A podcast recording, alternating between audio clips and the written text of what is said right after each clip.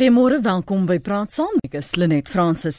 Die afgelope maand het ons twee voorvalle gesien waar besighede in die spervoer gekom het vir werknemers se gedrag.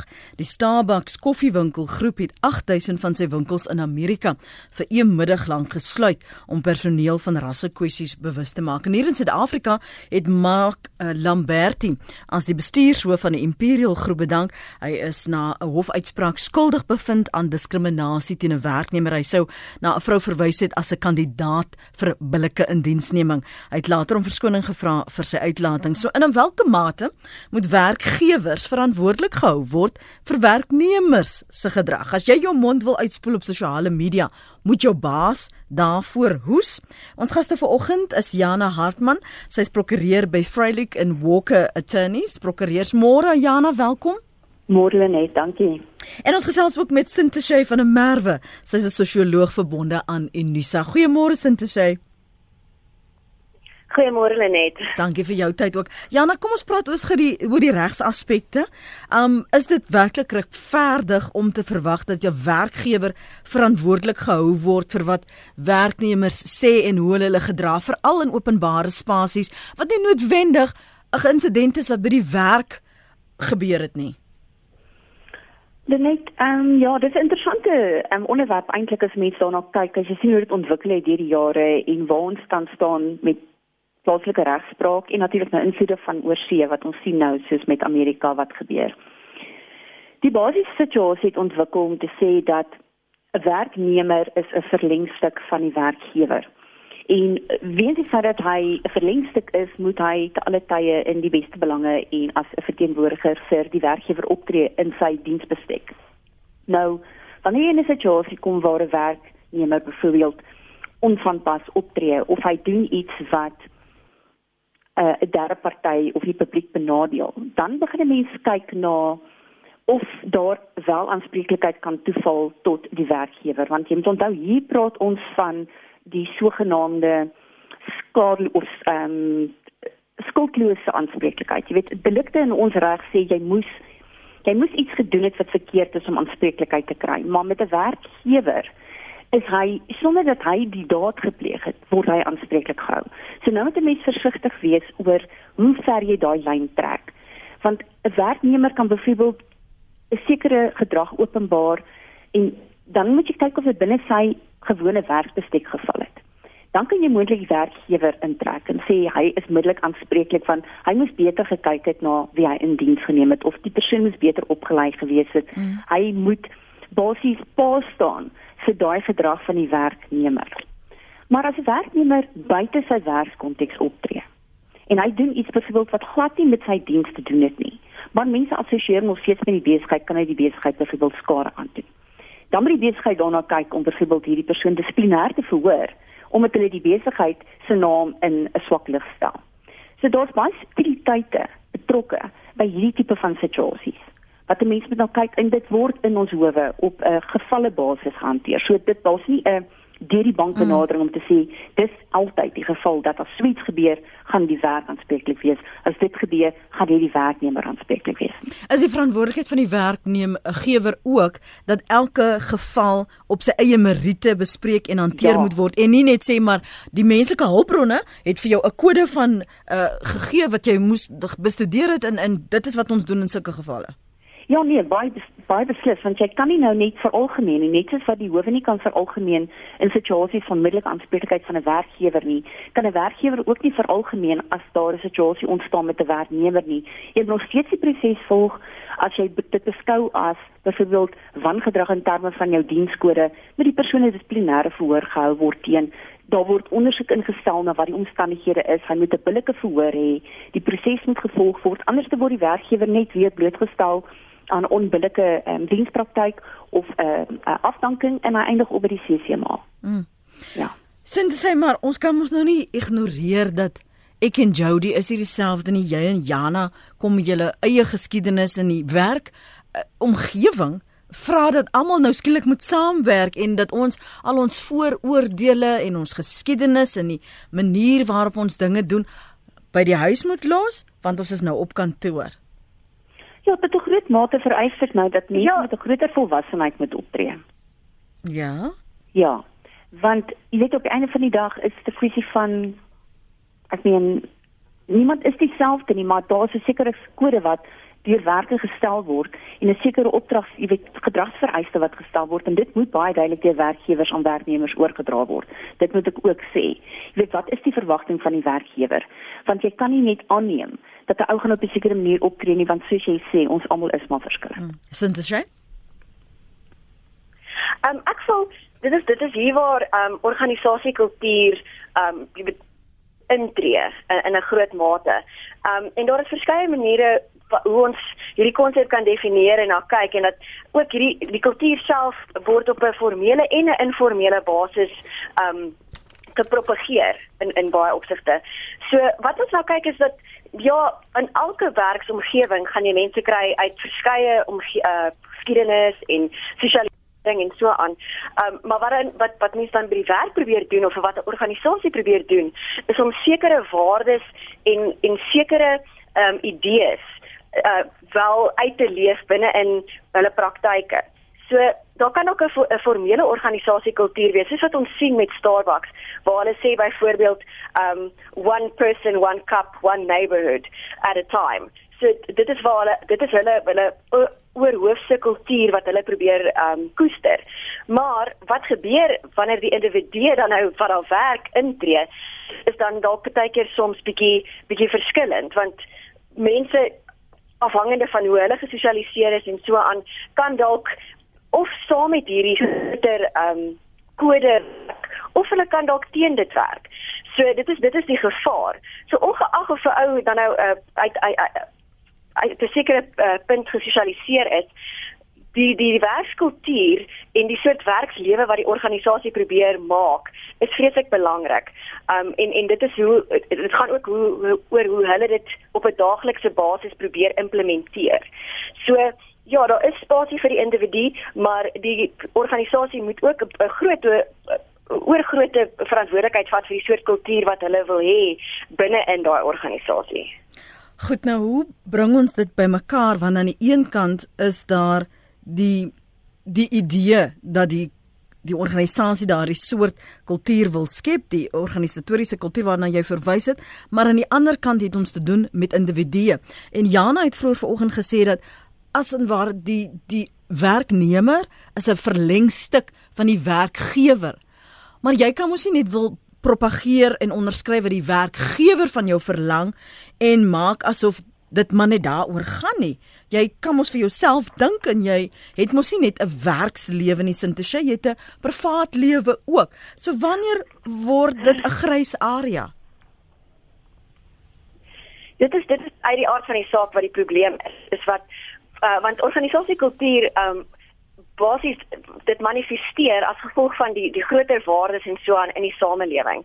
So as ons as as 'n mens uh, binne in jou um, huishouding of binne in die gemeenskap wat jy groot geword het of of so aan as as mens blootgestel is aan aan sekere negatiewe uh, perspektiewe oor groepe of so aan, dan gaan dit heel waarskynlik oorgaan in jou werkslewe omdat dit is hoe 'n persoon gesosialiseer is. So dit is dis 'n baie moeilike um kwessie hierdie want dit dit kan nie eintlik op maklike maniere opgelos word nie want ja mens kan gaan vir opleiding en ehm um, daar's daar's verskeie maniere wat wat organisasies probeer om mense half te hersosialiseer. Maar soos jy sê jy weet hoe um, hoe maak dit 'n impak op die individu en hulle waardesisteme so dit is dis amper so half bietjie uh, asof 'n mens probeer hierdie ding uit te balanseer op jou eie. En hopelik um, as werknemer kan 'n ou in 'n posisie wees wat jy wat jy kan kan kyk na jou waardes en jy kan kyk na die van die organisasie. En as hierdie twee te teenstrydig is, dan moet 'n ou begin kyk na, jy weet, miskien moet, moet jy dalk in 'n by 'n ander organisasie gaan werk want 'n ou kan nie in 'n plek werk waar daar so feeslike konflik is ook. Ehm um, waar waar jou organisasiekultuur jou onderdruk of dit nou is ehm um, in 'n positiewe manier of in 'n negatiewe manier in in die boodskappe wat hulle probeer uh, propageer. So dit is maar 'n ding wat die individu sal moet na kyk, maar die ja, ek moet net besluit wat is jou waardes en en wat is die die, die lyne wat jy trek um en hoe dit dan nou saam met die saam met die werksomgewing kan kan harmoniseer in die einde van die dag. is verbaas dat jou Jana as jy gegee die die geskiedenis van Suid-Afrika en ook die spanning wat ons soms sien in die werkplek wat uit en oorspoel na die privaat lewens en openbare lewens van mense dat ons nie meer sulke gevalle en voorvalle sien nie. Ons het nou die laaste ruk baie insidente gehad waar mense byvoorbeeld skeldname uh, gebruik en en hof toe is en en daar is skuldigbevindings gemaak.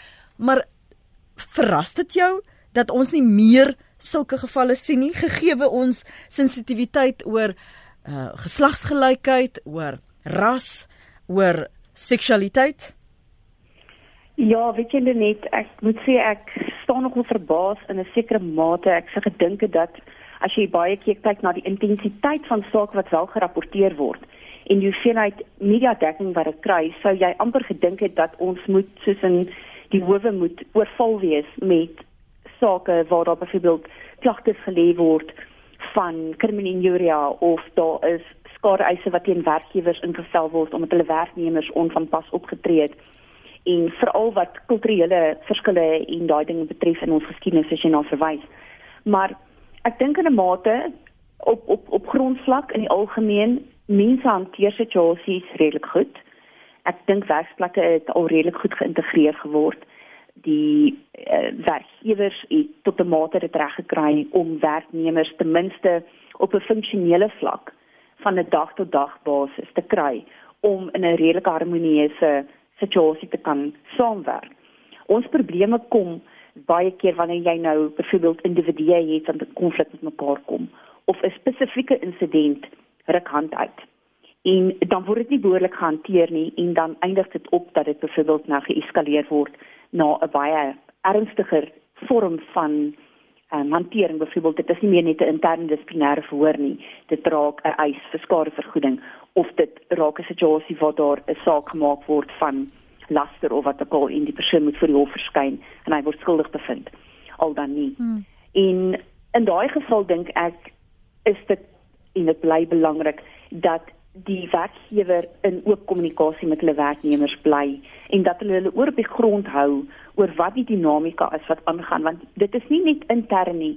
Baie van hierdie probleme soos wat hulle nou wys met Starbucks en selfs met um, Imperial dit dit spoel oor in hoe hulle derde partye hanteer. En dis waar die groot probleem kom want dan begin die beeld van 'n besigheid skade lê want nou is dit nie meer intern gehanteer nie almal weet daarvan.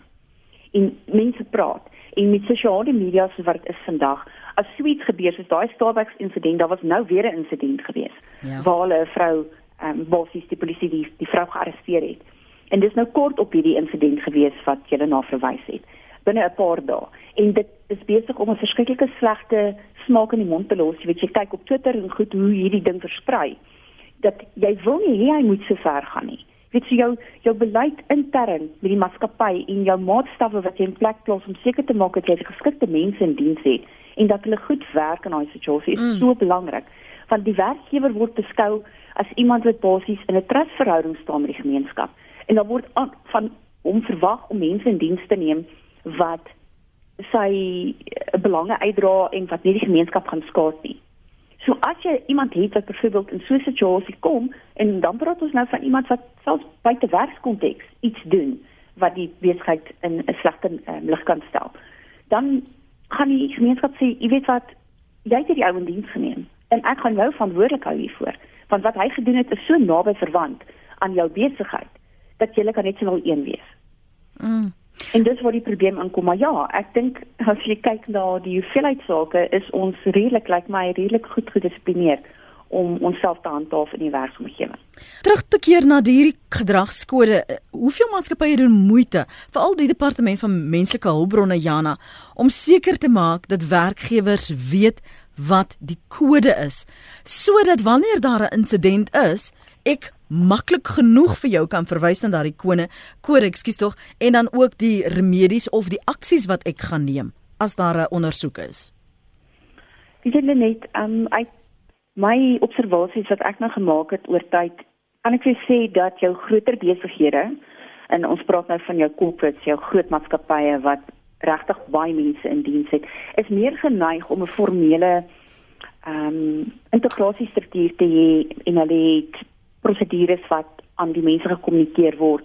Daar's 'n induksie wat plaasvind as iemand begin werk daar, daar word vir hulle gesê dis hoe dinge is. Uh, daar word vir hulle verduidelik hoe die kode werk, daar word vir hulle gesê dis die dissiplinêre kode as jy sekere gedrag openbaar is vir die moontlike gevolge en die risiko's wat jy loop as jy dit doen.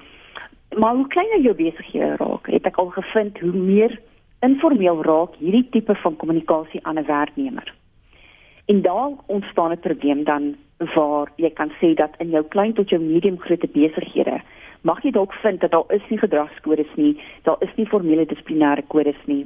Daar word nie formeel 'n uh, tipe van 'n uh, besigheidskultuur amper gekommunikeer aan die nuwe werknemer nie. Hy kom maar in, hy kyk maar wat doen die ander ouens, praat maar, jy weet, kry maar 'n gevoel van hoe dinge lê en hy gaan aan. Die risiko daar is dat die werknemer is potensieel blootgestel natuurlik, jy weet aan risiko waar hy iets doen wat buite die aanvaarbare gedragsbeleid val soos die werkgewer miskien sou verwag. Maar dit is nooit gekommunikeer nie. So hy weet nie. So as ek gedisiplineer word, kan hy sê maar jy weet wat, daar's nooit vir my gesê dat dit is presies spesifiek hoe ek dit moet hanteer nie. En dan kan die werkgewer regtig nie veel omtrent dit doen nie, behalwe om hom te sê ek moet dit nie weer doen nie. En 'n uh, situasie waar jy mense wel baie goed inlig van wat van hulle verwag word. As hulle dan by drie spoor trap, dan is jy dissiplinêre kode daar en soos ek sê, dan kyk 'n mens ook na as jy ding oorspoel dat hy buite die maatskappy begin hardloop. Ek dink dan vind jy dat baie maatskappye gaan probeer om enige ongelukkighede en eise wat derde partye byvoorbeeld wil instel, eerder sal probeer skik om dit stil te hou. As wat hulle sal toelaat om hierdie ding die hele pad te laat hardloop met litigasie byvoorbeeld dat dit openbaar word en dat almal weet van jy weet wat gebeur het in die maatskappy. So ek dink jy jy jy het 'n situasie daarvan waar hulle die so ver moontlik dit intern probeer beheer en as dit buite begin gaan, dan probeer hulle dit nog steeds skik voordat die saak jy weet te, te prominent en te duidelik vir mense buite raak dat hulle hmm. daaroor begin praat van dit affekteer die reputasie van 'n besigheid. Sintesie Is wat jy wil byvoeg? Ja, ek dit is dis baie moeilik want ja, die die die grootste ding wat ek identifiseer hier, so is ook dat mense het al hierdie formele reëls en en die gedragskodes en so aan, maar ons moet onthou dat op 'n op 'n mens tot mens vlak is daar altyd hierdie ongeskrewe reëls. Soos wat ons almal hmm. ervaar het byvoorbeeld um, wanneer jy in die skool is of wanneer jy wel by 'n nuwe werk begin werk, is dat ja, daar is hierdie stel reëls, maar hoeveel van dit word werklik toegepas in hierdie spesifieke organisasie? Want mense kan baie vinnig begin agterkom wat die wat die gevoel of die atmosfeer in in 'n in 'n organisasie is. Ja, hulle het byvoorbeeld 'n vreeslike streng beleid op papier um op op um, seksuele teistering of um gelykheid of iets eh, kwessies rondom dit. Maar die kwessie is hoe word dit geïmplementeer? Um want as as 'n as 'n senior bestuurder nie noodwendig hierdie hierdie kwessies gaan eskaleer of adresseer nie, dan gaan jy in 'n in 'n probleem sit waar waar mense basies al hierdie negatiewe gedrag vertoon en daar's daar's geen ehm um, nagevolge nie. So dit is en dis moeilik en ek dink dit gebeur op op 'n groot vlak en op 'n kleiner vlak. Ehm um, want wat ons sien is ek meen Starbucks is is 'n multinasjonale globale ehm um, koffie company. Mm. So wat dis dit is eintlik verbasend dat daar nie meer kwessies al opgekom het nie. Maar elke liewe een van daai takke het hulle eie uh, kulture en hulle eie ongeskrewe reëls. So dit is dis baie moeilik om te sê dat ja, ons het hierdie geskrewe um, gedragskodes en so aan, maar dit is steeds die individu wat gaan bepaal wat geeskaleer word of wat um, geadresseer gaan word in 'n formele manier. So ja, dit is dis net 'n bietjie van 'n 'n moeilike kwessie wat mense half moet omdans as 'n werkgewer. Ons gaan terugkom daarheen. Connie is op lyn 1 môre. Môre net jou gaste. Ek het bietjie laat ingeskakel. Ja. As hulle dit wel hanteer het, uh gaan maar oor asseblief middelike aanspreeklikheid. Uh kan die gas, ek dink jou regskundige vir ons dalk 'n bietjie meer oor middelike aanspreeklikheid uh uitwy. Dit is waar die uh werkgewer aanspreeklik gehou word vir enige onregmatige daad van sy werknemer. Ek dink in die praktyk is dit nie altyd baie maklik om 'n duidelike maatstaf uh, te gee of te beslis wanneer so 'n werknemer binne die bestek van sy diens opgetree het nie. Mag ek kortliks 'n voorbeeld gee? Ja, asseblief. Uh jare terug uh, herinner ek my aan wat daar 'n uh, hofsaak van 'n plaasarbeider wat die uh, die biergrens uh, oor, oorgesteek het, die natuur het geroep en hy het daar uh, op die aangrensende plaas gaan sit en ook 'n dampie gemaak. Toe het daar die 'n uh, uh, groot brand ontstaan wat die plaas uh, blykbaar uh, in in 'n groot gedeelte verwoes het en die uh, eienaar van die plaas van die uh, arbeider plaasarbeider moes toe pa staan vir die skuld. Maar dit gaan vir my meer rondom die middelike aanspreeklikheid dan. Uh, is daar vandag uh, werklikbare duidelike maatstaf? Ek dink hierdie hierdie saak was een van die beslissendes Miskien kan jou gas vir ons 'n bietjie uitwy daaroor. Baie dankie. Goed, dankie. Ek gaan sommer aansluit by een van ons luisteraars se SMS'e hierso, Jana. Hoe kan ek as werkgewer verantwoordelik gehou word vir iets wat my personeel na na ure, die klem op na ure op hulle eie Facebook bladsy sit? Jana?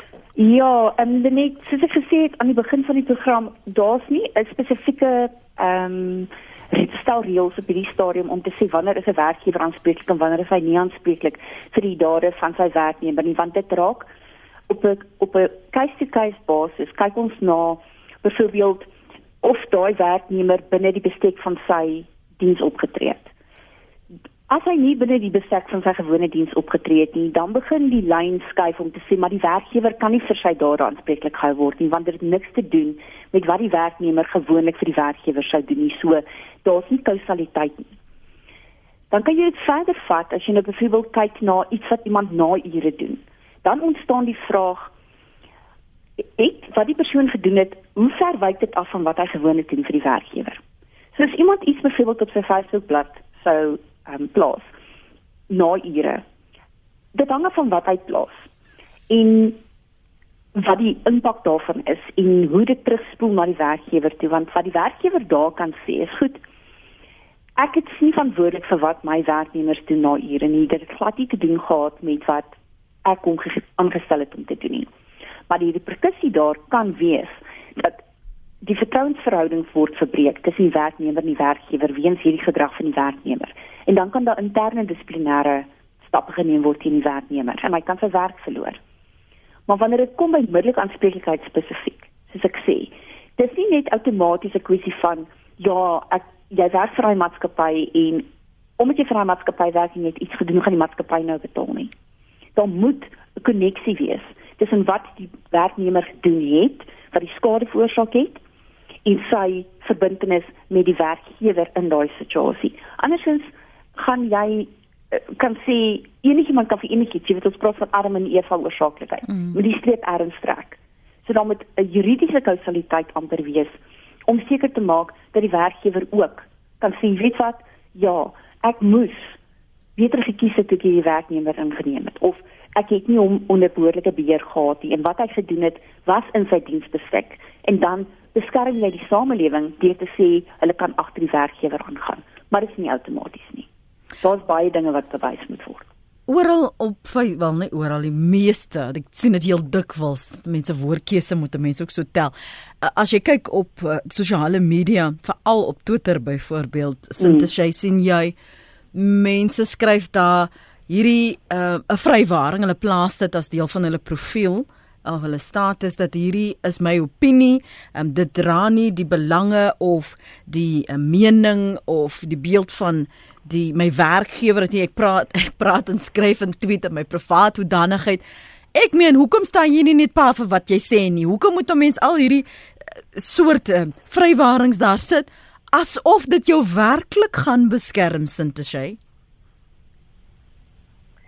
Dis die ding, ek dink dit gee vir 'n mate van beskermings in in in die, in die dat jy jy dit openbaar gemaak dat jy weet hierdie is my spesifieke perspektief op die saak.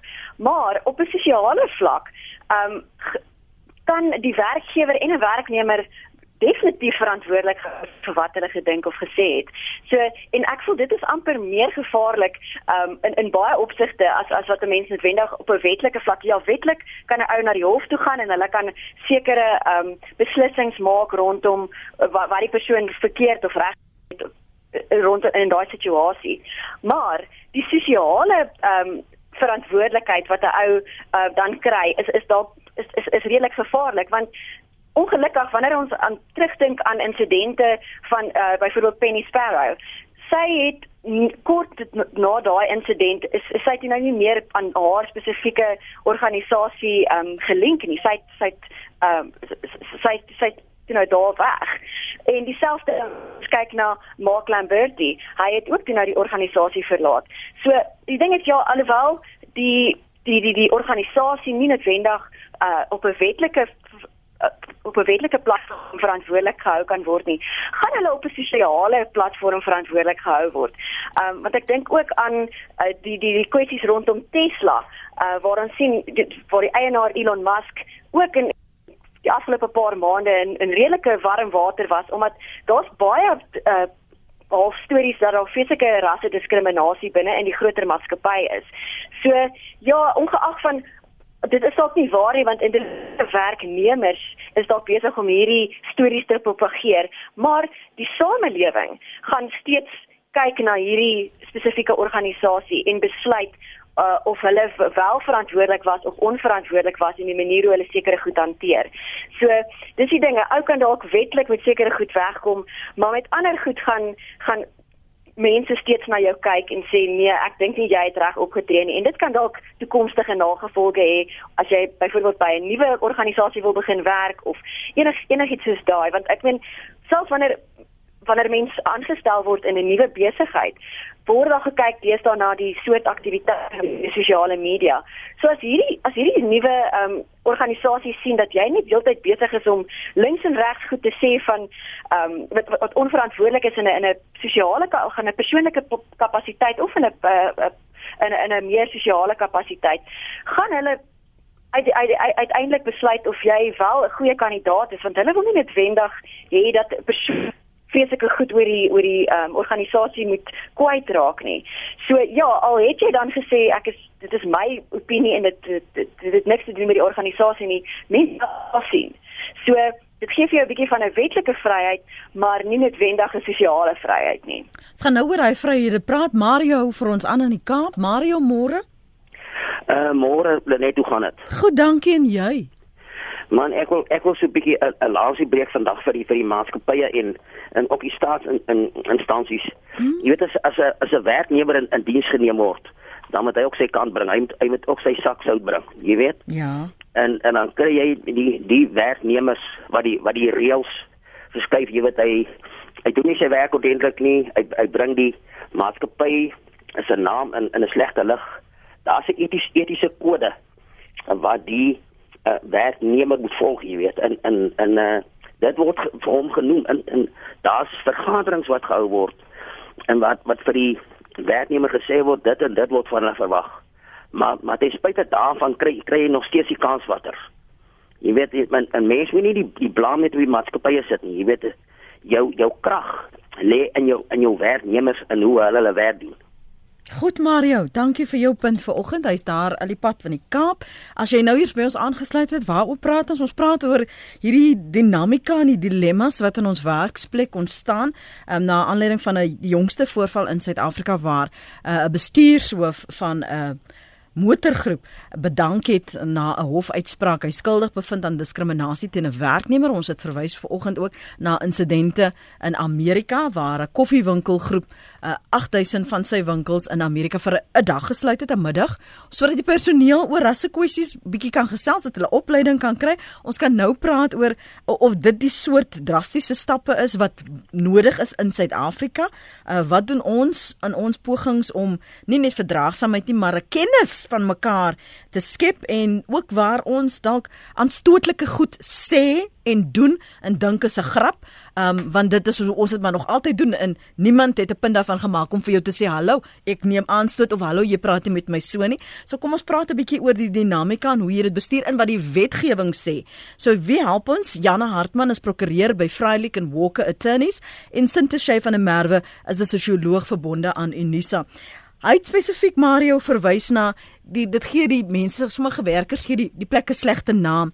Help ons om te verstaan wat hierdie oneer bring, bring the company in disrepute, wat dit beteken en hoekom dit gronde is Jana binne die reg vir 'n maatskappy om te sê, "Oké, okay, pak maar jou goedjies, kom ons vergesel jou uit." Net hierdie kwessie gaan terug na die kerndefinisie van wat 'n dienskontrak behels. Wanneer 'n werkgewer en 'n werknemer in 'n dienssituasie intree, dan is daar gemeenregtelik en ons praat nou nie eens van statutêre bepalinge, ons praat gemeenregtelik is dinge wat van donkie jare afkom met die ou Romeins-Hollandse reg, invloed van die Engelse reg in ons Suid-Afrikaanse regstelsel. Wat bepaal wat vereis word en wat wat verstaan word onder die verhouding wat tussen 'n werkgewer en 'n werknemer bestaan. Nou een van daai is 'n vertrouensverhouding. En dit beteken dat die partye mekaar wederzijds in 'n situasie moet plaas dat hulle te alle tye vertroue in mekaar sal hê. Nou Sintesie het gepraat van sosiale verantwoordelikheid, het gepraat van sosiale kondisionering. As ons kyk na 'n werkgewer en werknemer dinamika, 'n werknemer moet weet en dit is deel van sy diens dat hy moet alles doen tot die beste van sy vermoë om sy werkgewer in die beste lig moontlik te plaas. Dis sy plig op die einde van die dag teenoor sy werkgewer. As hy daai plig breek op een of ander manier, direk of indirek, indirek sosiale media, mense vergeet hulle kan direkte aanspreeklikheid opdoen deur sosiale media postings. Hulle dink hulle is veilig en hulle is nie. En daai ding kom terug want as hy reflekteer op die besigheid waar mense sê ja, hierdie ou werk vir daai besigheid en hy sê sulke goed. Dan begin dit die besigheid laat sleg lyk. En dis hoekom ek sê dan kan die besigheid hierdie persoon inroep of was dit iets wat hy wat hy in sy private hoedanigheid buite ure na ure buite konteks van die werk gedoen het. Dan kan hy vir hom sê luister maar, ek kan nie met iemand werk wat dit doen nie, want jy jy doen my besigheid skade aan. So daai vertrouensverhouding en jy sal dit in die CCMA sake baie keer in situasies ook kry waar daar dispute tussen werkgewers en werknemers is, dat die vertrouensverhouding het skade gelei. En dit veroorsaak gewoonlik dan dat die verbrokkeling van daai verhouding lei dan tot 'n beëindiging van die diens. Want dan kan hy party nie meer saamwerk nie. So dit is so belangrik dat beide partye verstaan wat hulle van mekaar verwag en wat gedoen moet word om daai vertrouensverhouding gesond te hou. Hmm. Kom ons hoor gou wat sê Dan. Dankie vir jou oproep Dan, môre. Goeiemôre. Uh net nee, ek wil maar net sê ek werk ook elke dag in hierdie lyn met uh, werkgewers en die beleide wat hulle het en die um opleiding wat eintlik glad nie eens bestaan nie. Baie werkgewers dink dit is vir groot maatskappye, maar as jy 'n klein werkgewer is, maak nie saak of jy twee mense in diens het, jy 10 mense in diens het nie, moet jy ook jou risiko's bestuur. En een van jou risiko's is wat jou werknemers gaan doen of nie doen nie. Dis hoekom jy moet registreer hier by hierdie instansie en registreer by daai instansie om ook jou risiko's te bestuur soos besering aan diens. Maar nou spandeer hulle geen tyd om of baie min tyd om 'n behoorlike beleid op te stel. Hulle trek miskien iets van die internet af en sê vir die werknemer lees dit as jy kans kry. Hulle gaan nie na of die werknemer dit gedoen het nie. En as hulle weer sien dan sit hulle met 'n verskriklike groot rekening hier of uh, betaling wat hulle moet doen as toekenning by die CCMA of uh siviele eis of wat ook al want hulle het nie vooraf die risiko bestuur en die werknemer mooi ingelig. Wat sal die maatskappy 'n probleem veroorsaak? Met ander woorde wanneer gaan sy optrede die maatskappy um geld kos of 'n uh, die naam van die maatskappy mm. beswaarder smerting so die, die hele groot ding wat inkom in die land en ek sien dit oral maak nie saak waar jy van is die werkgewer is nalatig om homself te beskerm en om die werknemer behoorlik in te lig wat sou onaanvaarbaar wees en wat sou aanvaarbaar wees. Maar nou as die die opleiding dan meerendeels gefokus op om te verstaan wat in die werksplek moet gebeur of strek dit weier soos wat Starbucks gedoen het om hulle werknemers racial bias training te gee. Kyk, dit gaan definitief weier gaan. Daai voorbeeld wat een van die inbellers net genoem het van die werknemer wat deur sy nalatigheid aanhou se wanneer dan die brand gesteek het en wat hy toe moes betaal het mens mens met jou werknemers wys in 'n opleidingssessie en gereelde opleidingssessie dat sulke optredes kan hulle baie geld kos kan die kan die maatskappy laat toemaak en dan verloor almal hulle werk. So um, daai opleiding moet weer gaan en ek dink dit is baie goed dat Starbucks dit gedoen maar dit help nie om net die ouens opleiding te oor rasse aangeleenthede of so nie. Dit is maar een aspek. Daar's geweldig baie aspekte wat jy vir jou moet sê as 'n ou byvoorbeeld uh, kom ons sê hy het 'n bandeplek en hy en hy vervang motorbande en so aan en hier uh maak die werknemer 'n fout en hy staan in die kar se lig uit met 'n uh, met 'n stuk gereedskap of iets, dan kom daar 'n aanspreeklikheid. En so mense moet die werknemer gedurig daarop wys dat in sy optrede in die werk en dan ook sosiaal gaan die maatskappy se naam altyd vorentoe gebring word en gaan sê vir wie werk hy. Hy dalk daai ou se hmm. se kleredrag of logo aangaan uh, of hy sê ek werk by hierdie plek en ons dink julle is so of, of ons dink die werkgewer is so en so. So daai opleiding moet ook gegee word in die mens moenie net daaroor hardloop as die ou in diens geneem word nie. Ons mense is geneig om te dink uh, as 'n werknemer in diens geneem word, dan weet hy klaar alles. En hy sal sosiaal aanvaarbaar optree en hy sal die risiko's kan bestuur namens die maatskappy. Baie werknemers is nie loyaal aan die maatskappy nie, dis vir net 'n inkomste. Jy moet nie dink dat hy gaan jou maatskappy se naam voorophou as hy persoonlike voorkeur het. Dankie vir jou oproep daar uh, dan waardeer dit. Kom ek lees wat skryf julle hier op ons sosiale media ondergeskikte skryf. Ek het 'n toesighouer wat elke dag laat kom, dan maak sy geselsies in almal se kantore beswadder personeel. My toesighouer word nooit aangevat oor haar doen en late nie, maar sodra iemand uh, iemand iets verkeerd doen, weet die hele kantoor daarvan. Louis van die Kerk skryf die werker skryf aan die werkgewer oor vandag, uh, voor vandag, want daar is so baie wette wat die werker beskerm sodat jou werkgewer maar op dun eis loop. Neem die volgende voorbeeld. In die verlede was daar gesê die kliënt word eerste gestel, maak nie saak wat die omstandighede is nie. Deesdae moet die kliënt maar kom die kliënt, maar tweede, dit vind veral by staatsdiensinstansies plaas. Die werker is nie meer verantwoordelik vir die beeld van die organisasie nie.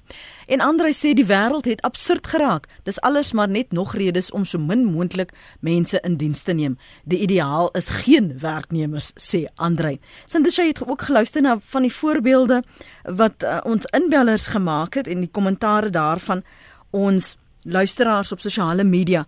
Maar is die opleiding voldoende? Hoe Hoe effektief is so 'n opleidingsprogram waar wat Starbucks byvoorbeeld uh, begin het met vir die middag dit te sluit om hulle werknemers bewus te maak van vooroordeele wat 'n mens soms openbaar en soms nie eers van bewus is nie maar die omstandighede uh, wat of jy onder druk is of wat ook al dit bring dit na vore. Ek weet van 'n maatskappy waar 'n 'n 'n 'n man 'n persoon besig is om te transgender en al hoe meer soos 'n vrou lyk en en praat en hulself handhaaf en die kollegas dink dis 'n grap en maak ehm um, sniggering hulle ek weet kommentaar neerhalend ehm um, man en niemand spreek hulle aan nie want dit word aanvaar. So hoe verander ons hierdie milieu? Hoe verander ons die atmosfeer en skep omgewing waar ek jou respekteer vir wie en wat jy is en nie vir waar jy vry, waar jy slaap, wat jy glo, hoe jy bid nie. Sinteshay?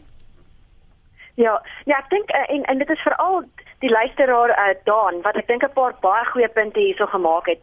Ehm um, en dat soos 'n belangrike wat opleiding is, is dit 'n daaglikse amper half commitment word van beide partye werknemer is of die werkgewer is. Want die oomblik wat 'n mens uh, aan aan enige twee van hierdie kante begin um met laks raak met hoe mens optree dit is wanneer jy in die in die moeilikheid kan kom. So dis hoekom selfs met Starbucks se intervensie um ook dit die, die intervensie beplan is dat ja hierdie is nou een groot um tipe van uh, uh, event wat gaan plaasvind wat ek dink dis die 29ste Mei wat hulle dit gaan doen en hulle het hierdie spesifieke um, groep ingekry die groep se naam is Demos. Um en het, dit is deel van 'n 'n social justice tipe organisasie. En hulle het gesê dit is dis definitief nie net 'n tipe van 'n tot uh tot tot tot gelykheid en so nie. Dit is hierdie is 'n absolute commitment wat van albei kante af moet gebeur en dit moet op 'n daaglikse basis um geïmplementeer word. So of dit is dat 'n ou half elke dag in 'n groep werk en dalk voor voor die werk begin 'n koffietjie saam geniet en en praat oor sekere kwessies wat van belang is sodat 'n ou die diversiteite en so aan kan begin sien in mense se daaglikse lewens. So dit kan nie net 'n 'n eensklapse soort van opleidingsmoontlikheid wees nie, want baie keer is hierdie opleiding ook 'n smou soos wat hulle sal sê waar jy weet mense gaan nou maar vir hierdie opleiding en dit is nou eintlik maar net 'n pyn vir almal want jy moet nou weer 2 of 3 ure of 'n hele dag iewers sit en en luister na mense wat probeer vir jou iets um iets preek en dit is dit is ongelukkig wanneer daai soort opleiding dit nie maak nie hmm. die die die soort opleiding wat 'n ou wil hê is een wat baie gereeld toegepas kan word en waar al die partye uh, op 'n gelyke vlak kan met kan uh, interaksies hê wat wel betekenisvol is en wat mense van mekaar leer en wat basies al daai waardes en en en, en idees wat 'n uh, organisasie uh, koester. Dit dit moet daaglikse basis baie natuurlik gekommunikeer word sodat mense nie half heeltyd hulle self moet polisieer nie maar dit mm. word amper 'n manier van lewe uh, en dit is hoe ou dan mekaar kan respekteer en op op so vlak um, half met mekaar 'n uh, interaksie tree want ek meen hoe ou binne in jou organisasie met mekaar gaan uh, um, in interaksie tree is is hoe die kliënt dit op die einde van die dag ook gaan ervaar. Um, So dit is dis alles glo, glo ek ehm um, moet meer op 'n op 'n dag tot dag soort van 'n commitment wees hoe 'n mens dan nou by die werk optree. Hmm. En dan ook hierdie hierdie ehm um, dan gefasiliteer word deur mentorprogramme waar mense nie alleen werk nie.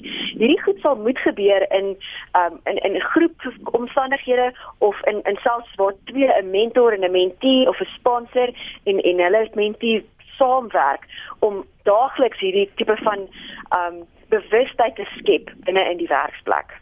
Jou slotgedagtes voor jy in die hof gaan staan, Jana? Net ek stem saam met wat Sintie sê. Ek dink mense moet definitief op 'n daaglikse grondslag mooi monitor en kyk en die watertoets met mekaar en sien dat alles goed gaan. Dit help nie om abstrakte um, tipe van programme in plek te stel in 'n werksplek waar jy daaglikse dinamika het wat jy mee deel nie. En uh as mens dit doen dan het jy nie nodig om jouself te beroep op remedies, jy weet wat ekstreem is en wat op die einde van dag ontwrigtend en duur is nie. Mm.